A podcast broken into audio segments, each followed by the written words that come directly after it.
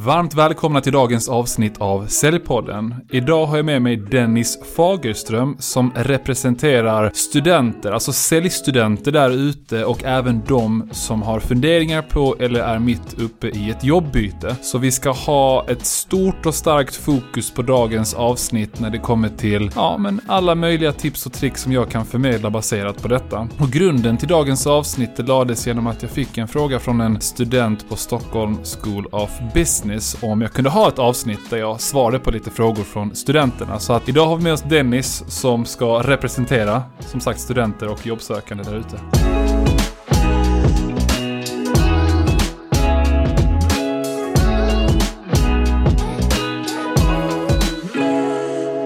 Jajamän. Ja, hur känns det att vara här?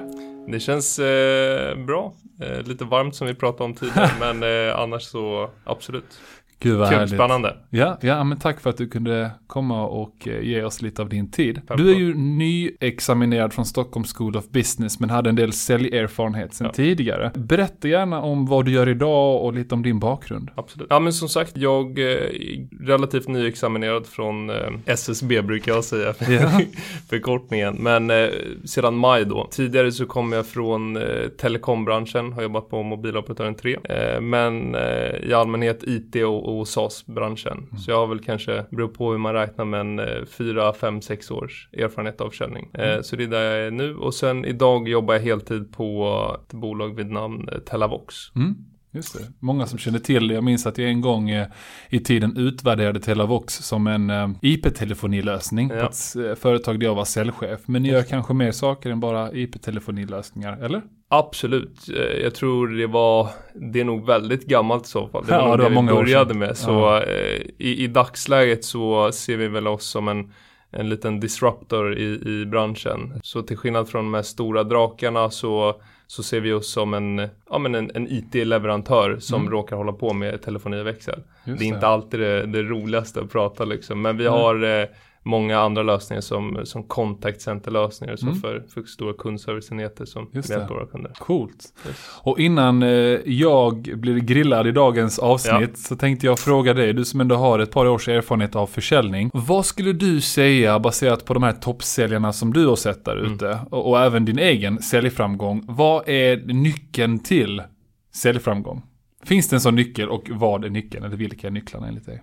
Bra fråga. Ja, det är ja, väldigt bra fråga. Jag, jag tror inte att det finns en för alla. Jag tror det finns, eller rättare sagt, jag tror inte det finns en enda grej som så här, alla kan anpassa sig efter. Jag tror att man får hitta sin egen grej. Eh, jag personligen eh, håller ju på att bedriva något eh, internt liksom kamp med mig själv och det jag försöker förmedla utåt att så här, jag vill ju få bort lite den här gamla stereotypiska bilden av du vet, försäljning. Vi ska vara pushiga, vi ska snacka mycket, vi ska vara så här extroverta, annars kan du inte sälja. För mig personligen så fungerar att lyssna väldigt bra. Man har där den här klyschan, två öron och en mun. Eh, Men lyssna väldigt mycket, eh, liksom ta in vad kunden faktiskt, inte bara lyssna för att lyssna, men faktiskt ta in. Vad säger kunden? Vad vill kunden? Just Vad känner kunden?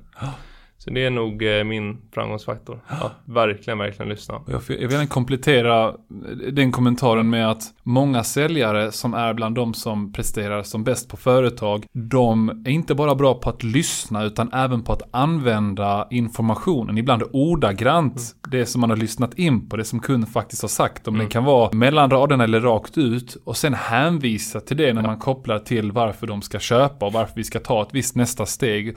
Och det där kallar jag för högklassig försäljning, när man lyckas göra den loopen. Mm. Och det kan vara svårt för en ny säljare i ett möte att både fokusera på vad man ska säga, vad kunden säger och sen loopa in det. Men med lite mer erfarenhet så kan det faktiskt gå. Absolut, och det bevisar ju verkligen att du faktiskt har lyssnat om du lyckas med det.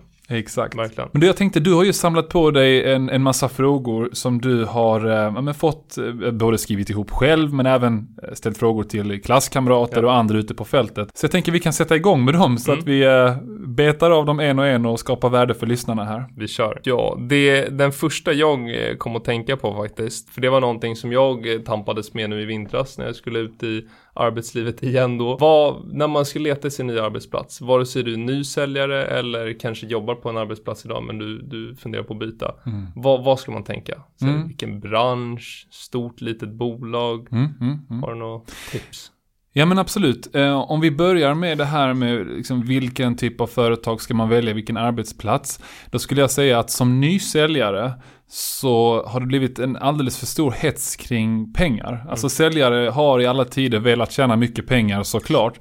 Men problemet jag har sett både när jag själv ska rekrytera säljare och även när mina kunder ska rekrytera. Det är så mycket fokus på att ja, men jag ska välja din arbetsplats där jag kan tjäna mest pengar. Och jag skulle snarare säga att i början av din säljkarriär är det mycket, mycket viktigare när det kommer till då vilken typ av utbildning, vilken typ av kompetensutveckling du får på det här företaget. För det är precis samma sak som varför ska du plugga i tre år jämfört med att ja. inte plugga och liknande. Det är att ja, du kommer snabbare upp till de nivåerna. Så bara för att summera, om du väljer en arbetsplats som faktiskt kan erbjuda bra kompetensutveckling, sambesök, coaching, mentorskap, då kommer du kunna tjäna dubbelt så mycket efter tre års tid som om du inte hade valt det. Det är den första saken jag tänker på. Det andra jag tänker på, det här med bransch och liknande.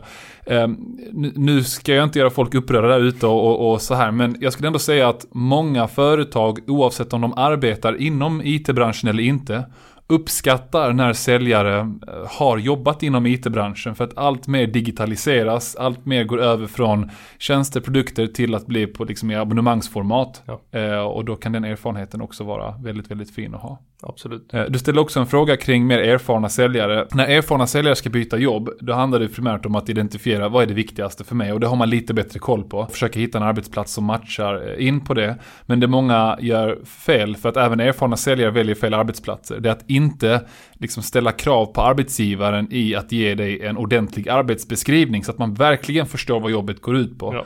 Ehm, det är vad jag skulle säga med det. Aha, bra, bra coolt. Ja. Långt svar, långt svar blir det. Ja, ja, precis. Här är också en grej. Om man utbildar sig till säljare då, vad har du för tips för när man ska ut på, på sin kanske första LIA eller praktikplats då? Mm. Vad ska mm. man söka, vad ska man tänka på och sådär? Absolut. Alltså det jag har märkt av och det som du också berättade för mig inför den här intervjun, det var att på många platser får man bara sitta och kallringa. Ja. Eh, och visst, det kan vara bra att man lär sig att kallringa, men ett krav jag skulle ställa på en arbetsplats som du ändå får alltså en praktikplats på. Mm. Det är att få vara med på sambesök, alltså få vara med på sambesök, kunna vara med och kanske analysera möten och samtal i efterhand som kollegor har. Så att du förstår hela säljprocessen och inte bara det första steget. Ja. Jag ska inte sticka under stolen med att det första steget i många säljprocesser är att ringa de här kalla samtalen och det är viktigt att du blir duktig på det i många branscher. Men återigen, att sitta och göra det på heltid i många, många veckors tid är inte jättekul. Så att eh, ställ krav på sambesök och coaching. Mm, absolut. Det är vad jag skulle säga. Sen eh, jag kan faktiskt inflika med mm. en, eh, eftersom att jag har varit i, i den situationen nyligen mm. då. Det är att eh, verkligen börja i tid. Mm. Alltså så fort du kommer in på in, alltså utbildningen, börja tänk lite så här. Vad, ja, men vart vill du landa i framtiden? Då kanske du förslagsvis bör ha en LIA på, på, i den branschen, eller försöka i alla fall och så. Men verkligen börja i tid, så man kan välja istället för att bolagen ska välja dig. Ja, och det, det, det, är ofta många kontaktar mig liksom sista minuten mm. och jag ska börja en ja. LIA-period och det är precis som du säger, att vara ute i god tid. Mm. Ja, men precis, för då, då redan där skickar ju det fel signaler. Då, då känns det ju inte som att den personen verkligen vill jobba hos dig kanske. Nej, eh, sen precis. Är det, varför är det sista minuten då? Ja, eh. och sen skulle jag också säga, det finns en annan grej i det hela och det här här kommer nästan ingen att göra oavsett hur bra eller dåligt jag skulle sälja in det. Mm. Och det är oavsett om du är ny säljare eller erfaren säljare som vill testa ett nytt jobb i en ny, alltså ny bransch.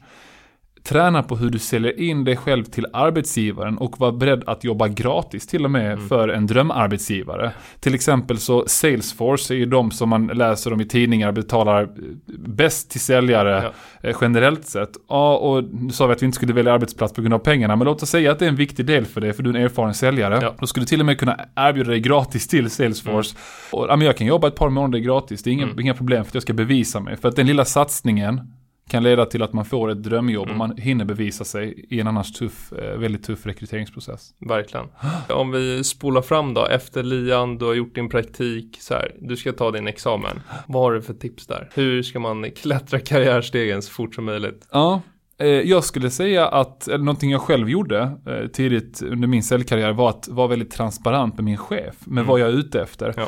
Eh, jag vill bli Sveriges bästa säljare, sa jag till min chef. Och det innebär att jag behöver bli coach för andra också. Oj, oj, oj, nu går du väldigt snabbt fram, sa mm. då chefen. Du måste ju prestera som säljare först. Okej, okay, men jag vill ändå ha en plan för vad behöver jag göra under de kommande mm. åren? Vad behöver jag bocka av för milstolpar ja. för att kunna avancera? Så att det är en, en bit, liksom var transparent med dina mål och be om commitment eh, på det av chefen. Mm. Och sen så såklart fråga om utvecklingsmöjligheter och vad som chefen då anser krävas för att nå dit. Sen skulle också säga att våga ta eget initiativ i att en gång per år och en gång per halvår följa upp med chefen om hur personen tycker att det går för Mm. dig. Sett till det här långsiktiga målet du har. För har du kommunicerat det här tidigt, då är det tjänstefel av chefen att inte hjälpa dig uppnå Mm. ditt mål om du når dina milstolpar. Det skulle jag säga. Ja. Du, eh, du har jobbat en eh, herrans massa år inom försäljning nu. Mm, mm. Finns det någonting som eh, du känner att du, du skulle vilja haft tidigt i din karriär som du, som du har idag? Någon erfarenhet som du så här, önskar att du hade lärt dig tidigare till exempel? Mm, mm. Alltså det här väcker ett gammalt säljminne Ja. när jag fick, eh, jag fick nej på en affär. Och det var en affär jag hade försökt i tre omgångar. De bytte ut jättemycket beslutsfattare Ja. där. Tre omgångar under två års tid att, att, att vinna. Mm. Sista gången jag fick ett nej där, då la jag mig faktiskt ner på golvet och grät. Och det är klart att det är också en fin grej att sälj kan vara emotionellt både positivt och Absolut. negativt. Men någonting som jag lärde mig det är att alltså, allt löser sig. Allt löser sig och allt händer av en anledning. Och även om allt egentligen inte händer av en anledning, så om du övertygar dig själv att allt händer av en anledning, det fanns någonting att lära, kunden skulle ändå Ja. inte blivit så nöjd och liknande, då är det lättare för dig att gå vidare. Så Ja. du minns den mentala biten tror jag. Mm. Mm. Jag fastnade nästan på, jag gillar det här med, med det emotionella inom försäljning. Att Ja. ändå, det är ju en, det är en passion för oss många. Ja. Eh, Så då, då kan ju känslorna komma fram, verkligen. Ja men det är klart, och jag hade en tidigare säljchef som sa så här att när jag berättade om att jag hade börjat meditera när jag mådde dåligt efter en förlorad affär. Mm. och ganska snabbt kunde komma in i matchen igen. Då sa han där att "Ja, men, om inte du kan känna dig jätteledsen när du förlorar en affär kanske du inte kan känna dig jätteglad när du vinner en affär. Och det är faktiskt inte sant, i alla fall inte för mig. Eh, utan eh, försök hitta sätt för dig att komma vidare så att så länge du gör rätt säljaktiviteter Mm. och har ambitions, ambitionen där så kommer du lyckas. Verkligen. Här har vi en eh, intressant grej tycker jag. Det här med titlar. Det är någonting som jag har upplevt är väldigt urvattnat eh, och ganska gjort inom försäljning. Mm. Ja, vad som helst egentligen kan heta Sales Manager på LinkedIn till Mm. exempel. Så här, jag kan tänka mig, jag tänker till och med nu efter några års erfarenhet att det kan vara ja, men lite förvirrande när man ska leta så här, vad ska man ha? Vad, vad betyder allting? Mm. Har du nå- något tips för hur man ska här, navigera i den här djungeln av Mm. säljtitlar och sådär? Just det. Jag skulle säga att eh, den här kampen mot eller med företag Mm. att ha någon typ av eh, generell, eh, eller generella benämningar på Ja. säljare som, och titlar som alla Ja. kommer överens om. Det där tror jag att vi kommer vara jättelångt ifrån. Alltså Mm. det kommer vi inte kunna klara på många, många år. Nej. Däremot finns det vissa så här generiska titlar som eh, SDR, Sales Development Representative, Ja. som ofta innebär att du ska sitta och kallringa, helt exakt. ärligt, och. Absolut. Eh, account manager som ofta innebär att okej, en del kallringning och en del liksom dra in nya kunder Mm. fast hela säljprocessen. Eh, customer success manager som då innebär att du ska sköta efterarbetet efter att en kund har blivit kund. Det är främst de tre tror jag som är de vanliga när man är säljare och ska vara ute och leta nytt jobb. Men återigen, det jag vill säga det är att Ställ krav på företaget att de tydligt definierar vad tjänsten innebär och om det är någonting som du kan köpa in på enligt hur du vill arbeta, Mm. då är det ju en tjänst för dig. Men jag vet att det är jättesvårt att navigera det.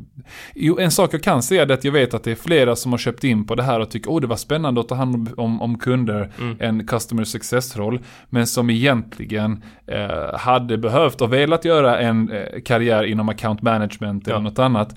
Eh, Så det är någonting du behöver identifiera med dig själv. Är du en hunter, jagar nytt hela tiden? Eller är du någon som kan nöja dig med att ta hand om befintliga kunder och eh, utveckla eh, befintliga kunder? Verkligen. En snabb grej jag tänkte på där, är det här med, med, med just titlar. Mm. Ett, ett misstag jag gjorde tidigt i min karriär, det var att egentligen jaga en titel. Mm. Så jag tänkte att min eh, givna karriärsteg, det var Junior Account Manager, sen skulle jag bli AM, sen en CAM, sen försäljningschef. Jag tänkte att liksom så här, det är ju så det ska vara. Mm. Men eh, jag håller med dig där, verkligen hitta det som, som du trivs i och, och passar som inom försäljning. Verkligen. Men jag kan ändå utmana, utmana det där lite grann i alla fall. För jag håller med dig om, alltså, och många andra som säger, men titlar är kanske inte det viktigaste, Mm. utan snarare att du gör någonting som du brinner för och liknande. Men om du vet att du vill bli sales manager på Ja. ett företag, då kan du faktiskt tjäna på, alltså i framtida rekryteringsprocesser, att du får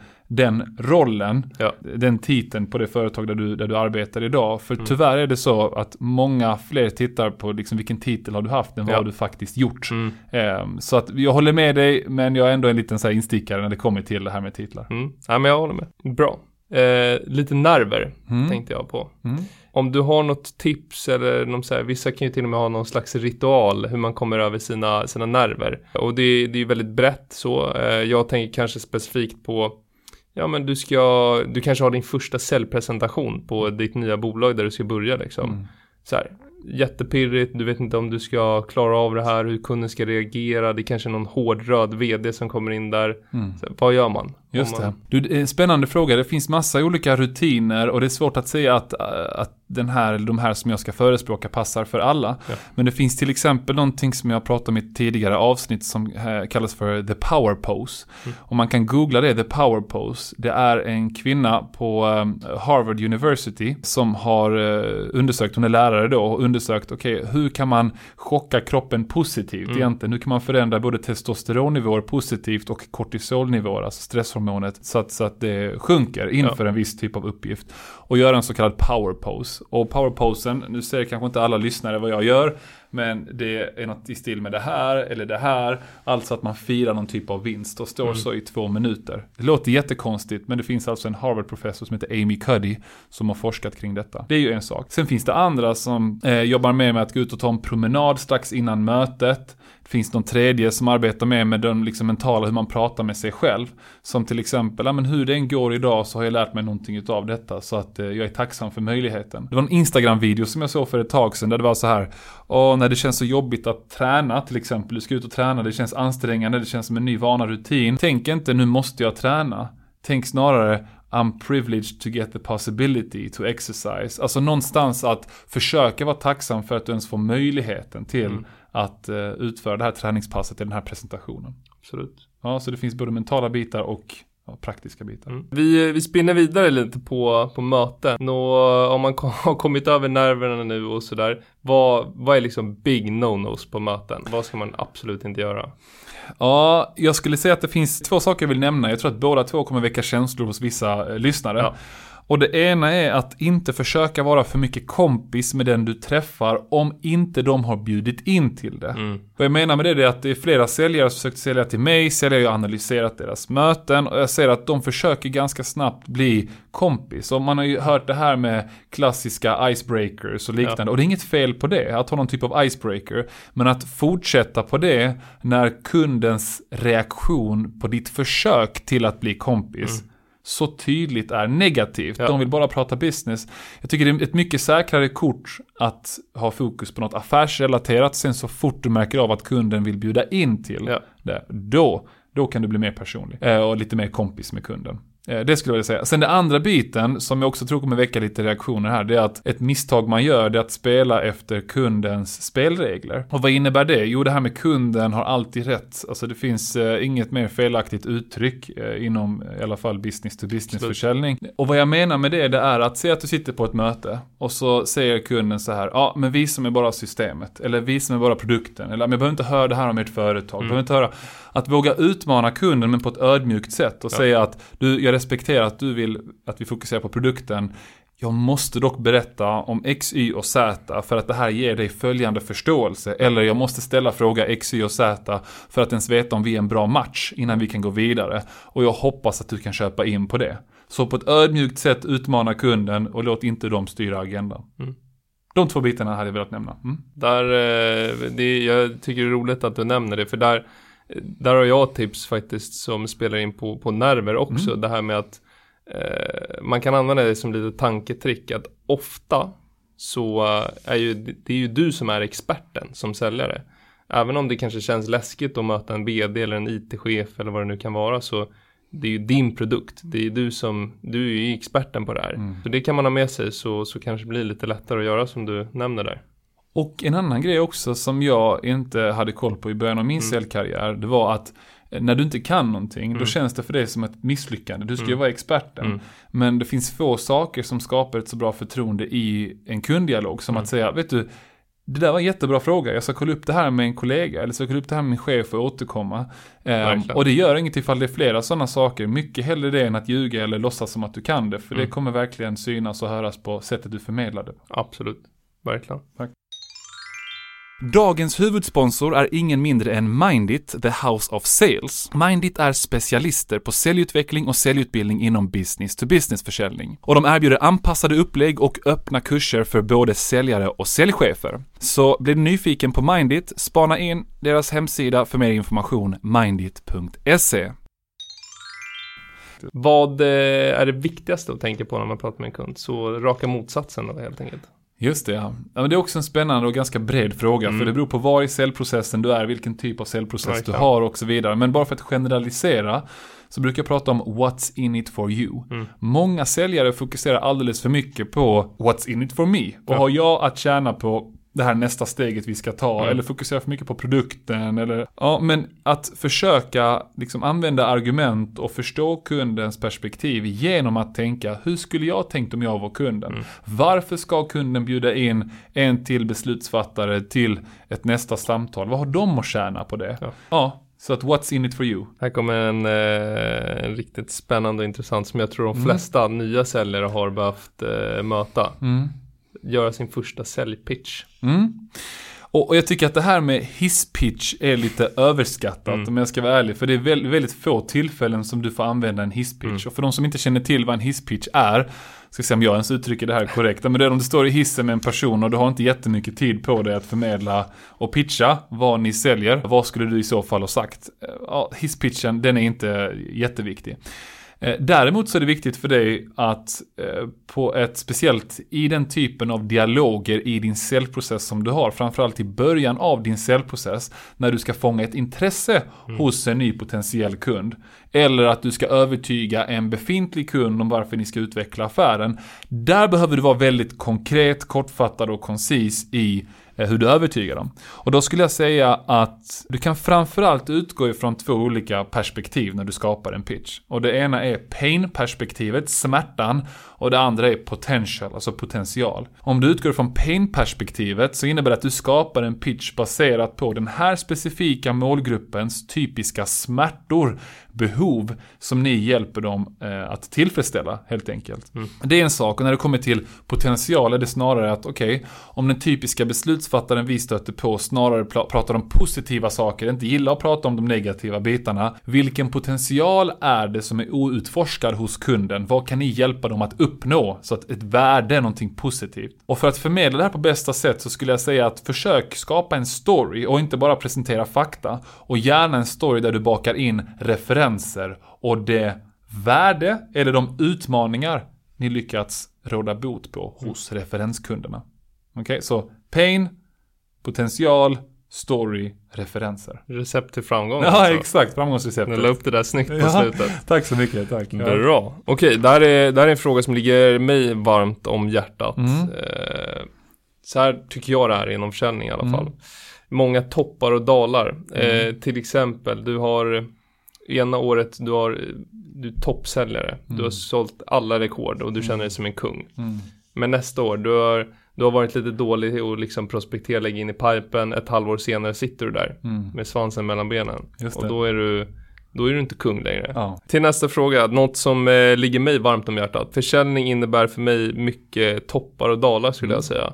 Så, eh, ja men till exempel att ena året så kan du ju vara, vara kung när du säljer hur mycket som helst och sen nästa år så, ja kanske inte är så. Du har glömt att lägga in i pipen och, och sen helt plötsligt så sitter du där och, och det kommer inte in några affärer. Mm. Så här, har du något tips på hur man hanterar, för det här kan ju vara väldigt jobbigt att det svänger så här. Det är inte alla yrken som det är så i. Mm. Har du något, känner du igen dig till att börja med? Ja, ja, ja, absolut. Jag känner igen mig och eh, jag har själv stött på det här att, att nästan gå in i väggen. Det finns Mm. säkert lyssnare som, som känner att det här med att gå in i väggen, det är bara någonting som inte alls liksom finns. Men om man uttrycker det så här då, jag har nästan eh, varit i en situation där jag har känt att eh, det här är inte hållbart längre. Mm. Nästan att jag, så att jag börjar hata försäljning Ja. och då älskar jag försäljning i grunden.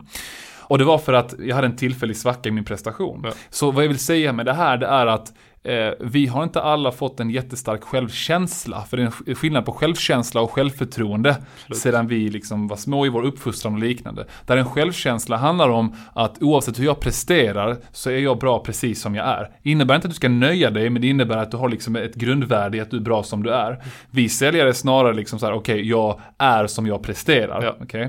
Så det är någonting man kan jobba på. Eh, man kan faktiskt skriva till mig på LinkedIn om man vill ha en liten femstegsmodell. För det jag liksom visar personer hur man då, eller hur jag kom över min prestationsångest, eller en stor mm. del utav den. Det är en sak. Men det andra handlar om det jag kallar för både proaktiv och reaktiv hantering av den här eh, situationen. Där den proaktiva handlar om, precis som många stjärnsäljare i, eh, som jag intervjuat säger, att vara proaktiv i att hur bra det än går, sluta inte prospektera om du nu arbetar med nykundsbearbetning. Absolut. Men det är ju lätt sagt när man väl sitter där och bara, åh, oh, jag borde ha gjort det. Hur ska jag då tackla situationen?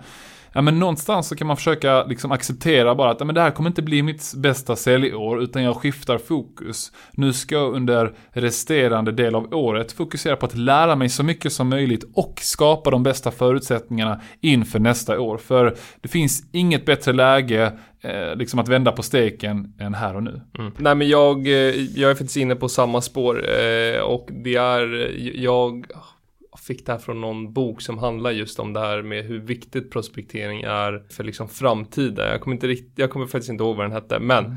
det handlar om det att det, när du märker att din pipe är, inte är en pipe längre, då är det ju för sent. Så det gäller ju att när du är kungen, när du är där i toppen, det är då det är som lättast att liksom sluta leta nytt. För du är ju cloud9, du säljer affärer, du, men så här, allt, alltid få in någonting. Så här, mm. Lägg in det i kalendern, strukturera det du behöver göra. Men så här, sluta aldrig prospektera. Exakt. Det är nog mitt tips. Och sen eh, det är bra att du, du kommer in på det också, det här med, med självkänsla och så. För jag tror det är väldigt vanligt eh, med att vi säljare lägger ja, men vårat självvärde i våran prestation och att så här, eh, vi tänker att vi är vårat jobb. Mm. Eh, vilket eh, så är det ju inte liksom. Man, eh... Och när du blir av med den tanken, den kopplingen, så är det inte så att du kommer börja prestera sämre Nej, för att du inte tar det lika seriöst. Snarare tvärtom, att mm. du kommer må bättre och vara mer balanserad så att Absolut. du kan prestera bättre. Absolut. Så, eh, mot vad vissa faktiskt mm. tror där ute. Sen så vill jag också poängtera, jag hade en säljare som var eh, en av de bästa säljarna som jag har coachat mm. och vad hon gjorde annorlunda, det var att varje morgon, eller specifikt under de morgnar hon skulle sitta och kallringa, ja. eftersom hon tyckte att det var lite jobbigt, men hon var duktig på det, så kollade hon igenom, hon hade skrivit ut alla affärer som hon hade vunnit baserat mm. på kalla samtal och de mm. viktigaste affärerna och bara satt och bläddrade igenom detta och försökte liksom ta tillbaka den känslan hon hade när hon vann de affärerna ja. för att bygga på självförtroendet inför de här samtalen. Mm. Funkade riktigt bra för henne, hade säkert funkat lika bra för många andra mm. ute. Eh, kläder? Ja. Det är så här gammal klyscha nästan, men vad, vad tycker du? Hur viktigt är kläder egentligen? Du, det finns en, en man som jag ofta tjatar om, eh, när det kom, både i mina utbildningar och här i podden, som heter Robert Cialdini, som har skrivit en bok som heter Influens eller ja. påverkan. Alltså studier om hur bland annat liksom, kläder och, och annat påverkar den tysta kommunikationen ja. och hur vi upplevs. Och jag skulle säga att det är väldigt viktigt. Sen beror det på liksom, ja, men vad innebär att kläder är väldigt viktigt? Mm. Jo, det innebär att som utgångsläge Ehm, försöka vara en kameleont med målgruppen du bearbetar. Men det gör inget att du är lite lite mer välklädd än målgruppen du bearbetar. Sitter de ofta med pikéer mm. eh, ute på möten, eh, typ om du bearbetar profilbranschen, de som säljer profilkläder, ja, men kom inte ut med värsta kostymen, men kom ut med en skjorta i alla fall. Mm. Eh, ska du bearbeta hantverkare, då kanske du kan ha en piké på dig och inte en t-shirt när du kommer ut, eh, även om de har t-shirt på sig. Så att försök vara liksom snäppet högre är min eh, rekommendation. Mm. Det finns flera som försökt sälja till mig som jag bara tappat förtroende för direkt, tyvärr, omedvetet. Ja. Ehm, för att en kille som eh, skulle sälja ett prospekteringsverktyg och satt där med en t-shirt på. Jag tyckte bara att det var oseriöst. Mm. Eh, och tyvärr, vi är fördomsfulla. Nu såg mm. den här killen ut att vara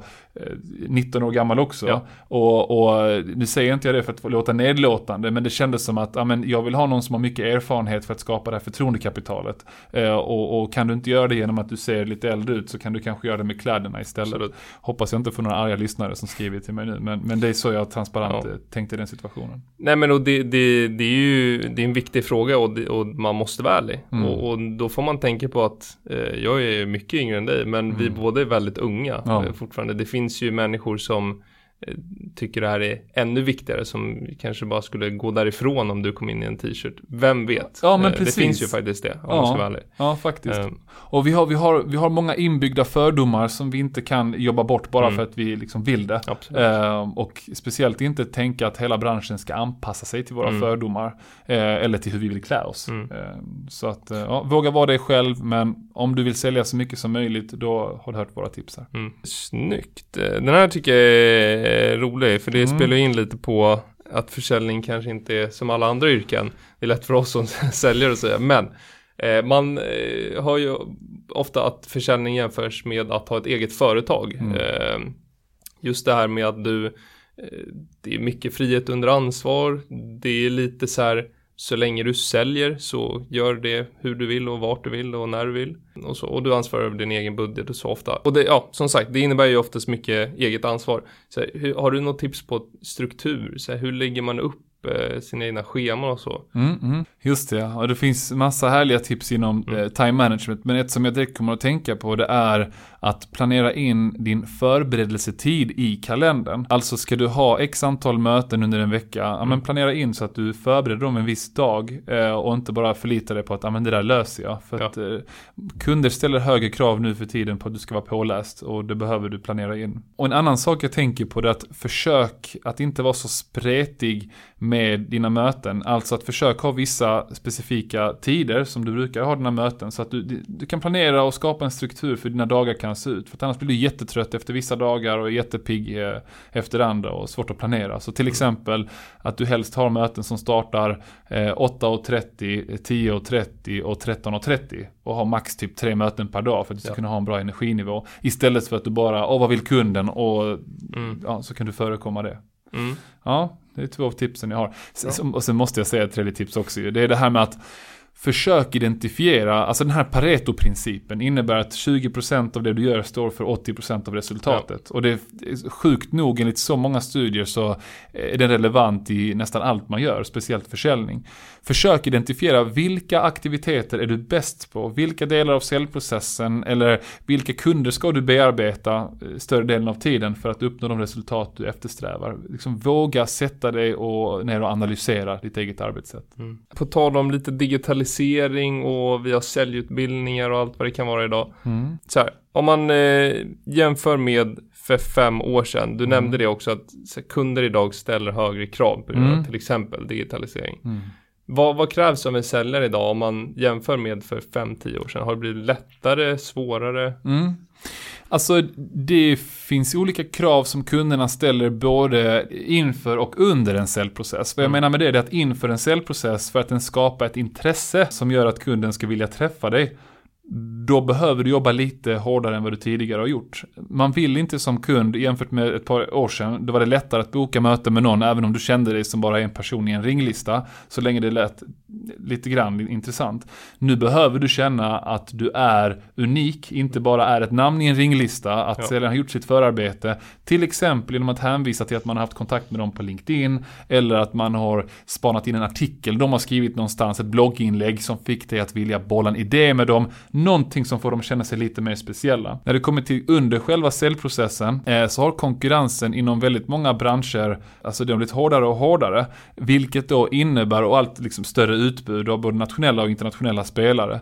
Eh, vilket då också innebär att du behöver liksom vässa din säljkompetens. Så att jag skulle säga att eh, vara väldigt tydlig med vilka uspar ni har jämfört med konkurrenterna och baka in dem i stories så att kunderna förstår what's in it for me. Bra. Jag eh, tänkte spåna vidare på den Mm. en snabbis faktiskt för att det, det här med digitalisering det är ju, ja det har man ju överallt. Men det, är, det måste man ta hänsyn eh, till som, som säljare. Och eh, jag tror att, att kundens köpprocess eh, kontra för några år sedan börjar mycket längre fram. Det är det som, det är en av de grejerna som gör att det ställs mycket högre krav, att man verkligen inte får underskatta det som säljare, att så här, när du ringer en kund så vet de rätt mycket redan. Och det det bör man tänka på. Och framförallt när en inkommande förfrågan. Mm. För att när en inkommande förfrågan så kan man förvänta sig att de också har en inkommande förfrågan hos konkurrenter till er.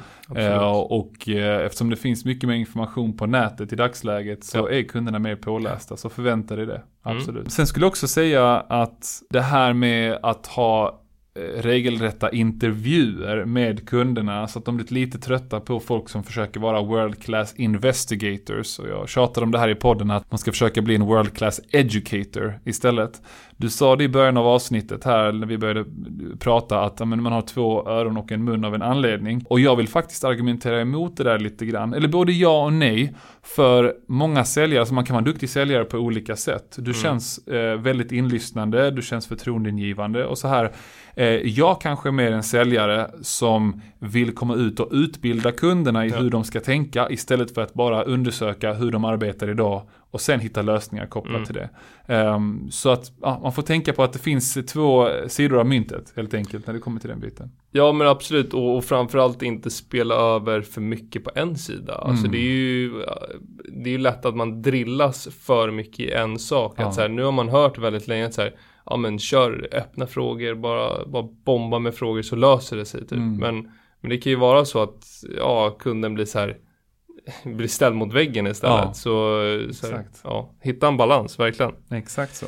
Ja. lite så här, om man inte jobbar med, med SAS och IT-lösningar och sådana här flummigt som, som jag håller på med och, och säljer kanske faktiska produkter. ja. Har du något tips för hur man gör en grym säljdemo? Så om jag ska, jag kanske är ute och säljer kaffemaskiner. Just det. Alltså det viktiga när man gör en bra säljdemo, oavsett om man arbetar med SAS som Mm. du gör eller som jag har gjort i många år, eller om man säljer kaffemaskiner, att försöka koppla varje funktion, varje del om kvaliteten man pratar om på produkten, alltså varje feature som man pratar om på, på engelska, Ja till ett värde det skapar för kunden. Till exempel om eh, man har, oh, nu tar jag det här bara out of the blue som man säger på engelska, det här med kaffemaskiner.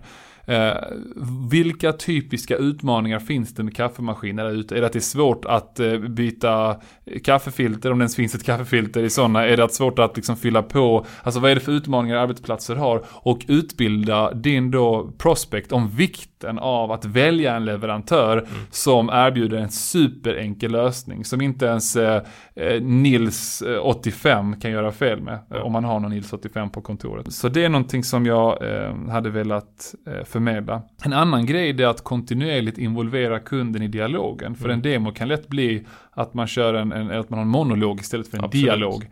Ehm, och till exempel genom att säga, liksom, hänger du med? Ja. Berätta vad har du för erfarenheter här? Och sen ett sista tips, och det här funkar riktigt, riktigt bra faktiskt. Eh, och det är att försöka involvera kunden i demonstrationen. Det Mm. innebär att till och med ibland låta kunden demonstrera för dig. Ja. Genom att du berättar för kunden vad den ska göra. För det blir också sån här, liksom ett emotionellt, eh, en emotionell del utav mötet. Eh, eftersom det känns lite pirrigt för kunden Mm. att göra det och då kommer de ihåg det bättre också. Ja men verkligen. Jag bara visualiserade mig hur jag är en kund och sen får fixa kaffet och grejer. Ja, bra tips. Ja. Eh, snyggt. ja men då så, då, jag tror inte att du hade några fler frågor idag eller? Nej, jag känner mig helt tömd på frågor. Det här var bra, Mm. okej. Eh, och hoppas du har kunnat skapa massor av värde för lyssnarna där ute. Jag vill slå ett slag för vår huvudsponsor, Säljarnas Riksförbund, som erbjuder allt ifrån juridisk rådgivning till inkomstförsäkring och säljutbildningar, digitala och fysiska, till ett värde av över 40 000 kronor för alla sina medlemmar. Eh, med det sagt så vill jag fråga dig, om man vill ta kontakt med dig, varför gör man det och på vilket sätt? Mm, bra fråga. Mm. Eh, man tar kontakt med mig till att börja med om man bara vill eh, snacka lite skit. Så Ja. finns jag där. Bara jag brinner för försäljning så gäller försäljning, liksom nya eh, försäljningsstudenter eller bara generellt så, så kör. Jag finns på LinkedIn, mitt nummer står till och med på min profil så det är bara att ringa. Just det. Och vad heter Eh, du? Dennis Fagerström heter jag. Dennis Fagerström. Ja. Yes. Sen eh, värt att nämna det också, eh, nu säkerligen alla möjliga personer som lyssnar på den här podden, men, men eh, jag jobbar ju som sagt på Telavox eh, och eh, vi, eh, vi anställer just nu faktiskt Mm, eh, okej. alla möjliga roller i, i våra team uppe i Stockholm. Och det är allt från SDR som du nämnde tidigare, eh, mötesbokarroller till, till ja, säljarroller. Så Coolt. Så ansök någon... där om man är sugen, eller hur? Precis, ansök. Det är bara att skriva till mig eh, så tar vi det därifrån. Bra, tack så mycket för att ni lyssnar på det här avsnittet. Ja, trevlig dag. Ha det gott. Ja, ha det gott.